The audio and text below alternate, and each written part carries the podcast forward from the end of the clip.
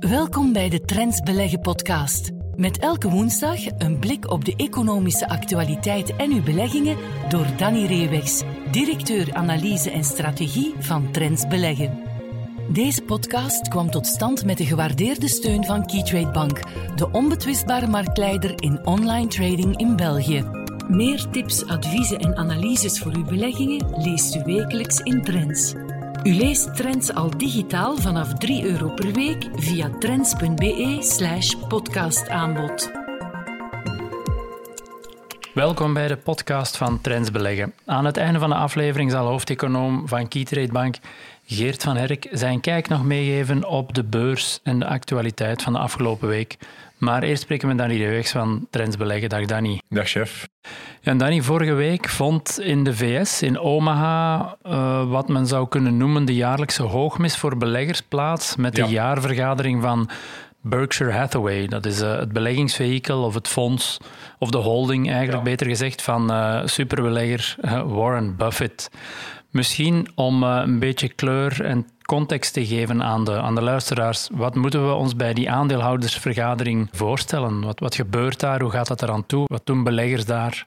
Ja, dat is echt wel een, een hoogmis in die zin. Ja, dat, je kunt bijna vergelijken met een festival. Ja. Een, een, rock, uh, een rockster ja. die Warren Buffett is al, al vele jaren. En dat, ja, die mens is ondertussen 92 en dat vermindert dus niet. Dat is zeer uitzonderlijk. Er zijn nog altijd 40.000 fans.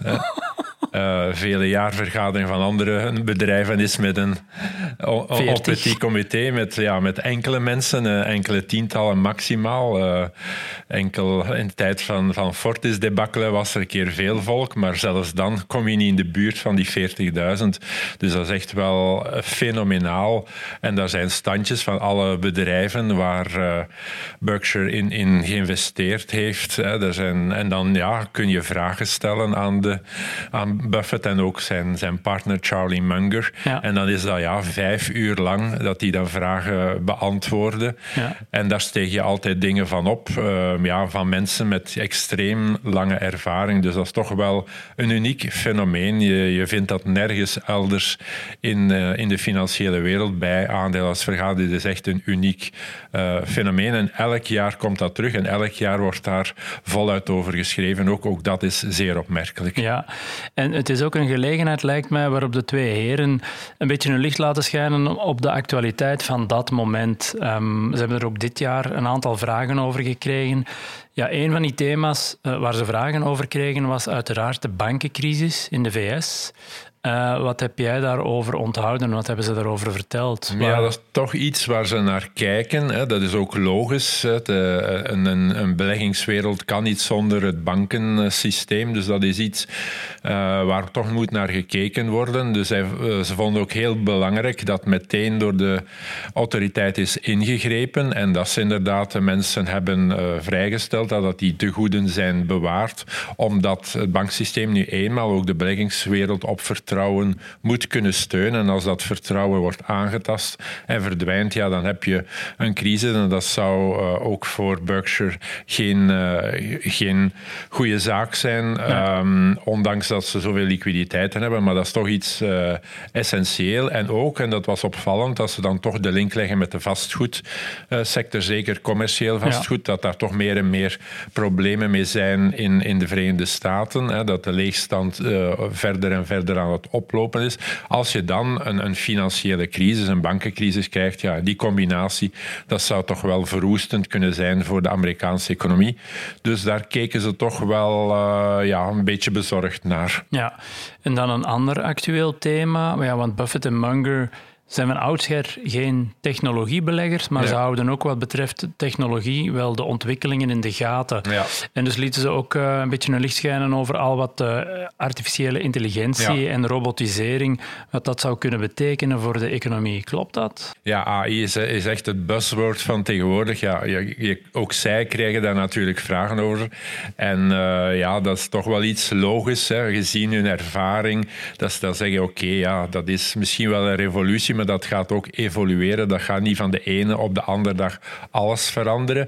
Je ziet ook op, op de Amerikaanse beurs en elders ja, dat, dat alles het AI, wat daarmee te maken heeft, ja, dat, dat leidt tot enorme koersstijgingen. Dus dat zijn ze altijd wel wat terughoudend. En zeggen ze ook, ja, we vertrouwen ook nog op de ouderwetse intelligentie. Dus we gaan nog altijd uh, zelf ook beslissingen moeten nemen en dergelijke. Dus alles gaat niet overgenomen worden. Hè. Dat is en iets ja, dat, dat nog vele jaren kan duren. Dus ja, wees daar toch ook een beetje voorzichtig mee, een beetje achterdochtig.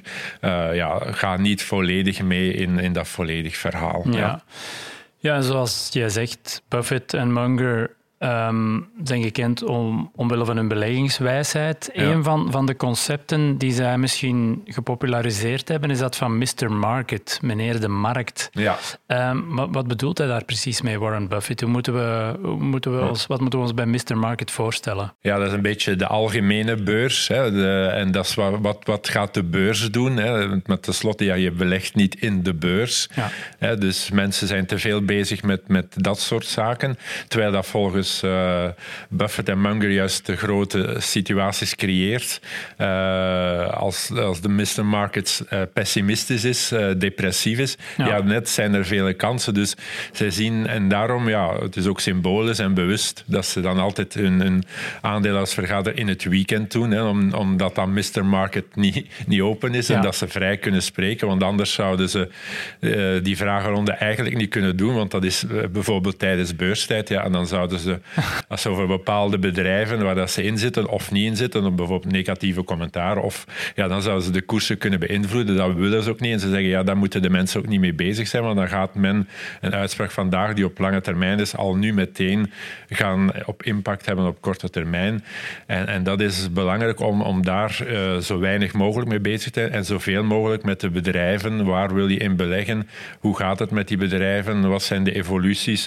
Dat is denk ik uh, centraal centrale thema waar beleggers moeten mee bezig zijn en met minder die op- en neergaande bewegingen van de markten. Want ja, je kunt altijd bang zijn hè, voor de volgende Fed-meeting of voor de volgende economisch cijfer.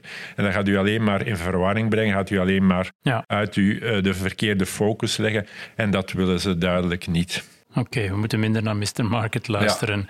Ehm, ik verschoot eigenlijk wel als je de portefeuille van Berkshire erbij neemt. Je kijkt naar de top 10, daar zitten ja, alleen maar grote bedrijven in. Ja. Apple. Apple maakt 46% uit van de totale van de, waarde. Ja, de gebeursgenoteerde waarde. Ja. ja. Uh, Kraft, Chevron, Moody's, Exxon. Dus alleen maar grote bedrijven waarvan je wel kunt zeggen: oké, het zijn solide bedrijven, die, zullen het, die hebben het goed gedaan, die zullen het wel goed gaan blijven doen. Maar het lijkt mij ook niet echt een portefeuille die, die, ja, waarvan je van omvergeblazen wordt omwille van het, toekomstig potentieel. Hoe schat jij dat in? Ja, dat is natuurlijk uh, uw basisportefeuille. Dat is iets waar veel uh, beleggers ook ja, lastig mee hebben. Ze willen altijd in de nieuwe sterren. Hè. Ze willen in, in de, de... Ja, maar dan weet je dat je ook veel risico neemt. Dit zijn bedrijven die het al heel lang hebben waargemaakt, waarvan je weet dat zijn topmanagement teams die daar aan het hoofd staan. Dat zijn namen als een Coca-Cola, Apple. Ja, iedereen en nog altijd elke nieuwe release van producten, daar wordt nog altijd veel aandacht aan geschonken. Dus ja, dat is echt de basis van uw, eh, van je portefeuille. Hè, daar, daar kun je op vertrouwen. Hè. Dat is ook hun, hun lange termijn perspectief. Van binnen 10, 20 jaar gaan die bedrijven ook nog er zijn en waarschijnlijk nog altijd toonaangevend, want ze doen het al vele decennia heel goed. Dus dat is toch wel, ja, dat, dat is niet uh, de manier om, om, snel, om snel rijk te worden. Hè. Dat, dan moet je heel veel risico en dan kun je ook veel armer worden. Dus het is een standvastig beleid en dat zie je ook in moeilijke tijden dat die portefeuille van Berkshire meestal veel meer bestendiger is tegen Mr. Market dan, uh, dan vele andere portefeuilles die dan veel meer inspelen op nieuwe bedrijven, op nieuwe tendensen. Maar dat zijn ook veel meer risico's nemen. Dus de, de, de, perceptie risico, dat zie je zo in die top 10, dat daar Munger en, en Buffett heel veel mee bezig zijn. Dat zie je zo als je die top 10 oplijst. Ja, want ik had voor de gek gekkigheid een keer de grafiek van Berkshire op die van de Nasdaq gelegd van de afgelopen vijf jaar. En ze staan nu, na die vijf jaar, op evenveel rendement, rond de 60 procent. Maar ja, Nasdaq heeft dan wel gepiekt in 2020, 2021 en daar serieus teruggevallen, terwijl het bij Berkshire gewoon stelselmatig omhoog is gegaan. Ja, zij gaan niet voor ja, de, de grote winst op korte termijn, maar het blijvend uh, stijgend ritme op lange termijn. En ja, daarvoor heb je dat soort bedrijven nodig. Dat kan je niet met de ster van vandaag in AI gaan doen, die misschien morgen al terug verdwenen is. Niet met de huidige ster in waterstof en die misschien morgen terug verdwenen is. Nee, dat is met uw voor lange termijn. Eh, bedrijven die al decennia bewijzen uh, hoe oerdegelijk dat ze wel zijn. Ja. Um, tot slot, want Buffett en Munger, um, Warren Buffett is 92, Charlie Munger 99. Ja. Um, nog altijd actief. Ja, welke les hebben wij stervelingen, beleggers daaruit te trekken? Uit het feit dat ze op die leeftijd uh, staan waar ze staan? Ja, ten eerste ja, dat, dat ervaring in dit vak uh, enorm uh, belangrijk is. Ik kreeg dat al mee op mijn eerste werkdag van ja, je hebt een goede job gekozen, want hoe, hoe langer je dit zal doen, hoe, hoe meer ja, ervaring je zal hebben en hoe meer aandacht dat je ook zal, uh, zal krijgen. En dat zie je bij hen ook en dat zie je ook in een vermogensopbouw. Helaas zijn de meeste mensen maar 10, 20 jaar met beleggingen bezig. Hè. Op het moment dat het huis is afbetaald, de kinderen de deur, dan gaan ze daar veel aandacht voor hebben.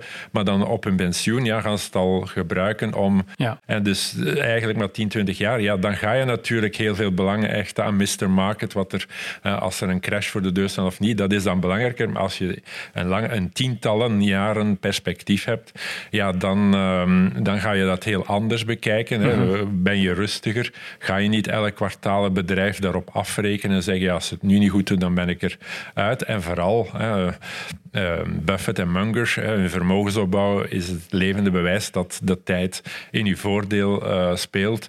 Want 95% van hun vermogen, en zelfs meer dan 95%, is in, sinds hun 65ste okay. er gekomen natuurlijk. Ze hebben de zegen van zo lang te mogen leven, maar ja, het bewijst ook wel dat het daar om te doen is als je op de beurs wil uh, actief zijn. Dat is geen spurt, het is en blijft een marathon en Buffett en Munger zijn daar het levend bewijs van. Oké, okay, ultralopen voor beleggers. Ja. Uh, een van de aandelen die je er hebt bijgehaald uh, is meteen de hoofdpositie van, van Berkshire Apple. Um, kwam recent met resultaten. Uh, wat waren daar de hoofdpunten uit voor jou? Hoe zit het met, uh, want het is voornamelijk rond de iPhone-verkoop dat wat vragen waren en aan de rest van de toestellen en producten. Uh, wat waren de resultaten bij Apple? Ja, de iPhone-verkoop is, is nog best meegevallen. De, de tablets, PC's is wat, wat minder, maar dat is algemeen zo. Dus Apple heeft wel een wat moeilijker jaar. Hè. Dus de omzet en winst staan wat onder druk. Natuurlijk, Apple heeft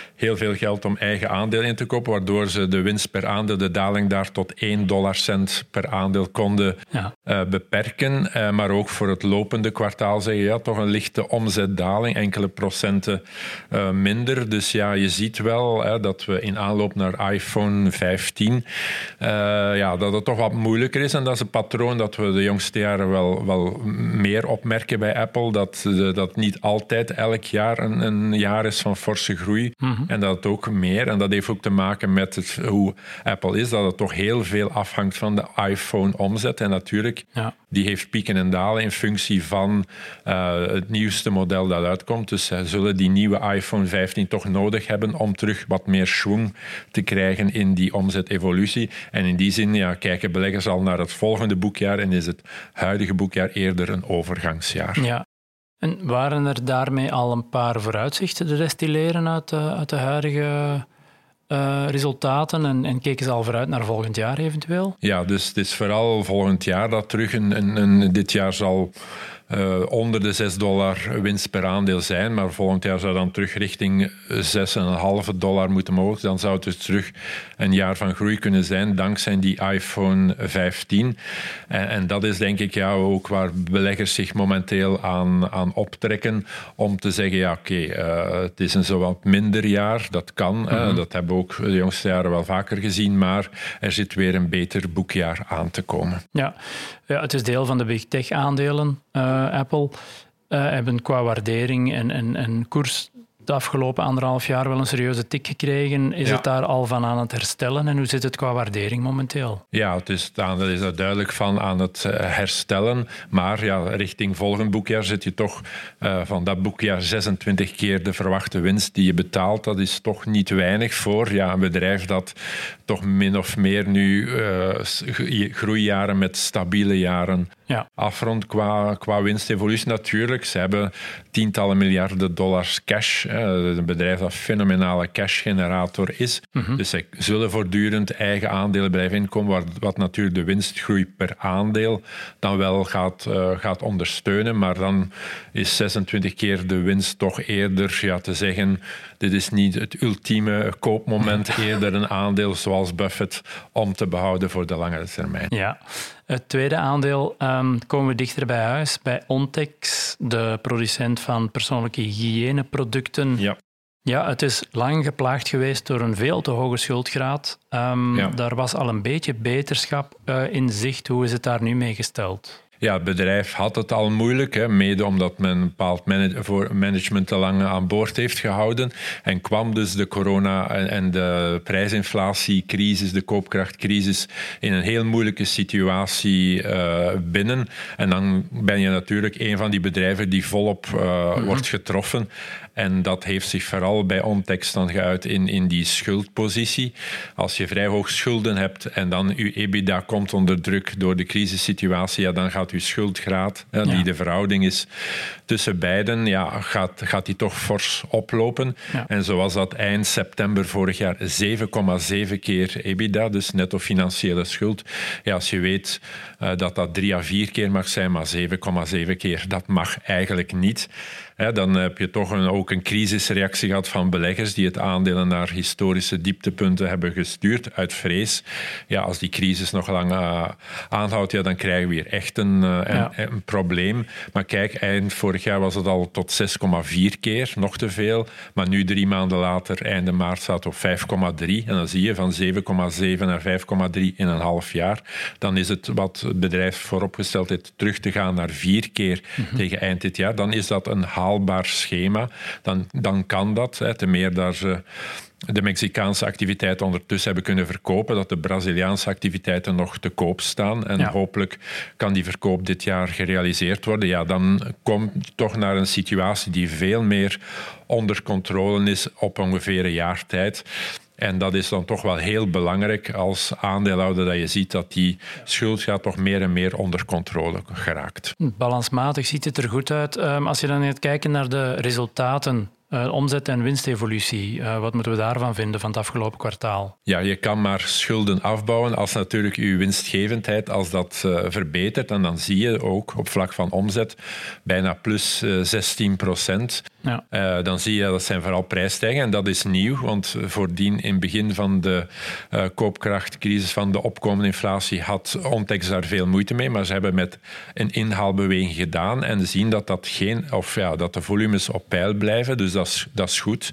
Dus dat je je, kostenstijging nu wel meer en meer kunt doorrekenen. En dan zie je dat dat een fantastisch gunstig effect heeft op de EBITDA, op de bedrijfskasstroom. Dat is bijna verdubbeld ah, ja. op van het eerste kwartaal 2022, toen het heel, heel moeilijk ging. En het eerste trimester van 2023, dus dat is bijna een verdubbeling, zodat die EBITDA-marge ook terug uh, gaat, gaat stijgen, gaat toenemen. En dat is allemaal wat je als aandeel, als belegger wil zien. Mhm. Want dat zijn natuurlijk de basiselementen om die schuld uh, verder af te bouwen en te komen naar een gezonde uh, balanssituatie. Ja. Nu, de vraag is, hebben die operationele en financiële verbeteringen zich ook al vertaald in de koers? Hoe doet het aandeel het ten opzichte van de bredere markt? Ja, daar is duidelijk ook een grote kentering voorbij een half jaar. Hè. Zoals gezegd, vorig jaar dieptepunt omwille van die enorme schuldgraad die het bedrijf had. En vele beleggers die in paniek zijn weggevlucht waarschijnlijk, omdat ze dachten, ja, als dat nog zo'n jaar is, dan, dan gaat dit bedrijf misschien wel uh, failliet gaan. Dus dat wil ik niet, uh, niet, niet meemaken. En, en ondanks het recent herstel zit je nog altijd meer dan 60% op vijf jaar met een 6% zwakkere prestatie dan de Bel 20. Maar als je dan kijkt naar de zes maanden en bijvoorbeeld sinds begin van het jaar, dan is de index van Bel 20 ongeveer nul, licht, lichtjes positief. Maar Ontex staat meer dan 20% in de plus. Dus dan zie je toch wel, ja, na een hele lange periode van zware underperformance, dat we nu toch meer met Ontex een, een uitblinker hebben.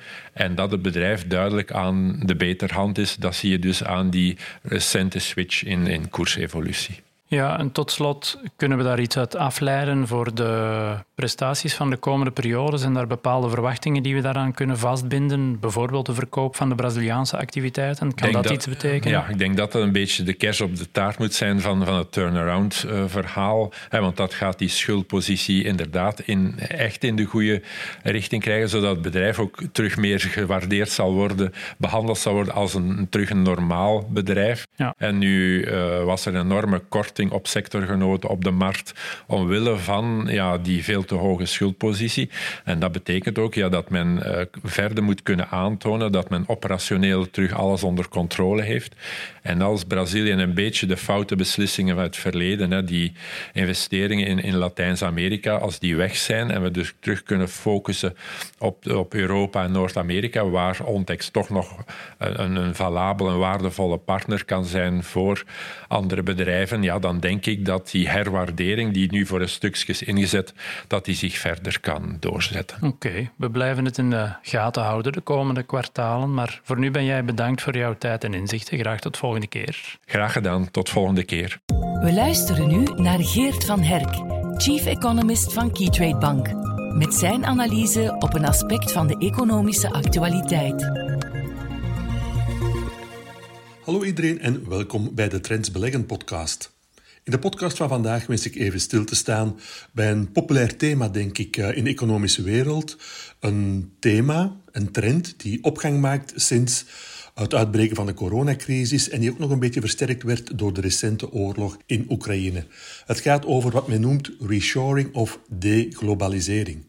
Wat wordt daar eigenlijk mee bedoeld? Met reshoring betekent dat eigenlijk ja, dat westerse bedrijven die ja, de afgelopen jaren onder impuls van de globalisering ja, fabrieken zijn gaan opzetten in China of in het Verre Oosten om daar gebruik te maken van goedkope arbeidskrachten, dat die beweging nu een beetje op zijn einde loopt. Want we hebben gezien in de coronacrisis en ook tijdens de Oekraïne-oorlog dat ja, Europa toch zeer afhankelijk is van andere regio's, andere werelddelen voor uh, ja, de bevoorrading van bijvoorbeeld grondstoffen, maar ook ja, kritieke componenten zoals halfgeleiders of andere uh, producten die we nodig hebben uh, in onze moderne technologische wereld.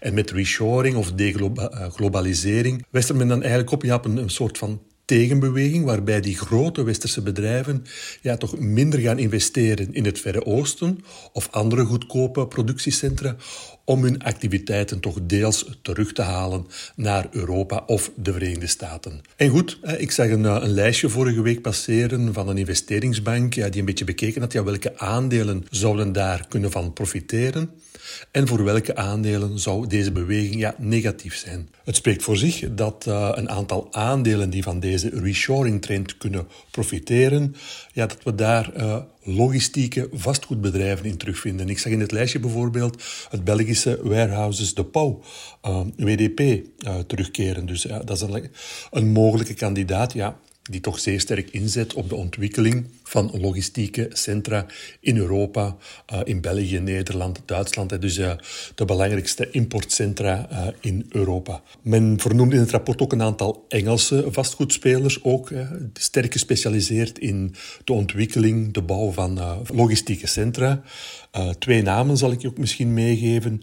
Tritax Big Box op de Londense beurs en Segro uh, ook uh, op de Londense beurs. Dus als je zegt van ja, kijk, uh, ja, misschien toch wel een interessant thema voor mijn portefeuille, loont het misschien de moeite om die twee aandelen ook een keer te gaan analyseren. Het koersverloop is ongeveer hetzelfde als ons eigen WDP.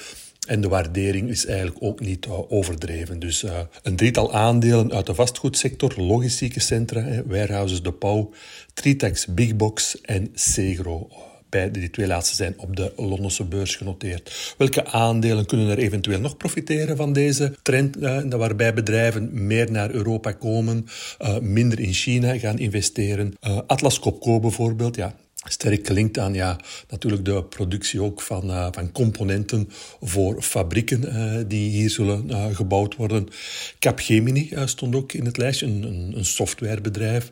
Dus ja, als er natuurlijk activiteiten van, van het oosten naar hier gaan komen, moet daar ook natuurlijk ook ja, de nodige software voor die bedrijven ontwikkeld worden. En het is natuurlijk ook interessant als je een groot IT-bedrijf bent dat vooral klanten heeft. Onder die grote multinationals kan je er natuurlijk ook van profiteren als die nieuwe investeringen gaan doen in Europa of de Verenigde Staten. En tenslotte misschien nog een laatste naam die we willen meegeven. Dat is toch uh, het Duitse Siemens. Ik denk dat dat ook voor zich spreekt waarom uh, die in dat lijstje staat.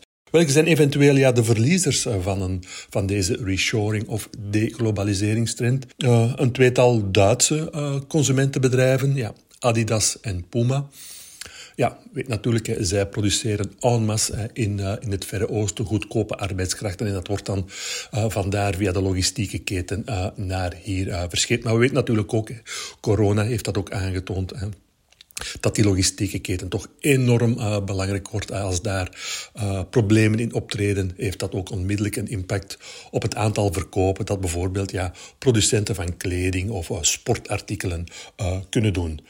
Een ander bedrijf dat ook dikwijls terugkomt bij de verliezers zijn grote transportbedrijven. Hè. Ik, zie bijvoorbeeld ook in het lijstje staan Deutsche Post, hè, natuurlijk ook aandeelhouder van DHL. Hè, is ook logisch denk ik. minder ver Oosten, meer Europa, minder vraag ook, denk ik, naar dat intercontinentaal transport van bijvoorbeeld pakketten of uh, documenten. Het is eigenlijk een beetje, denk ik, een algemeen thema dat de transportsector een van de grote verliezers zal zijn van deze reshoring of deglobaliseringstrend. Want andere aandelen die vernoemd wordt in het lijstje van mogelijke verliezers zijn DSV, een transportbedrijf, uh, Moller dus de, de moedermaatschappij van de containerrederij Maersk, en Kuhne en Nagel, ja, een, een logistieke uh, speler, een expeditiebedrijf, dus dat bedrijven begeleidt bij het uh, transporteren van goederen van punt A naar punt B. Dus voilà, we kunnen denk ik een, een aantal conclusies trekken uit uh, dit lijstje dat ik uh, vorige week zag passeren van mogelijke winnaars en verliezers van uh, de reshoring-trend, de deglobaliseringstrend. Winnaars zijn denk ik uh, bedrijven die industriële goederen leveren, die dienen om de nieuwe fabrieken in Europa te gaan uitrusten met kapitaalgoederen. Hè. Siemens, Atlas Copco en natuurlijk ook de logistieke spelers, de bouwers van magazijnen, warehouses de Pauw, Tritex Big Box en Segro. Verliezers onder andere uh, aanbieders van uh, sportartikelen, Adidas, Puma en zeker en vast uh, de grote transportbedrijven, containerrederijen, expeditiebedrijven, dus logistieke aanbieders. zij kunnen een beetje tot de verliezers behoren, omdat er natuurlijk minder nood zal zijn aan grote goederenstromen vanuit het Verre Oosten naar Europa. Dus dat was het voor wat betreft deze bijdrage aan de podcast Winnaars, Verliezers van een mogelijke reshoring, de globaliseringstrend. Alvast bedankt voor uw aandacht en tot week. Meer tips, adviezen en analyses voor uw beleggingen leest u wekelijks in Trends. U leest Trends al digitaal vanaf 3 euro per week via trends.be/slash podcastaanbod. Deze podcast kwam tot stand met de gewaardeerde steun van Keytrade Bank, de onbetwistbare marktleider in online trading in België. Volgende week zijn we er opnieuw.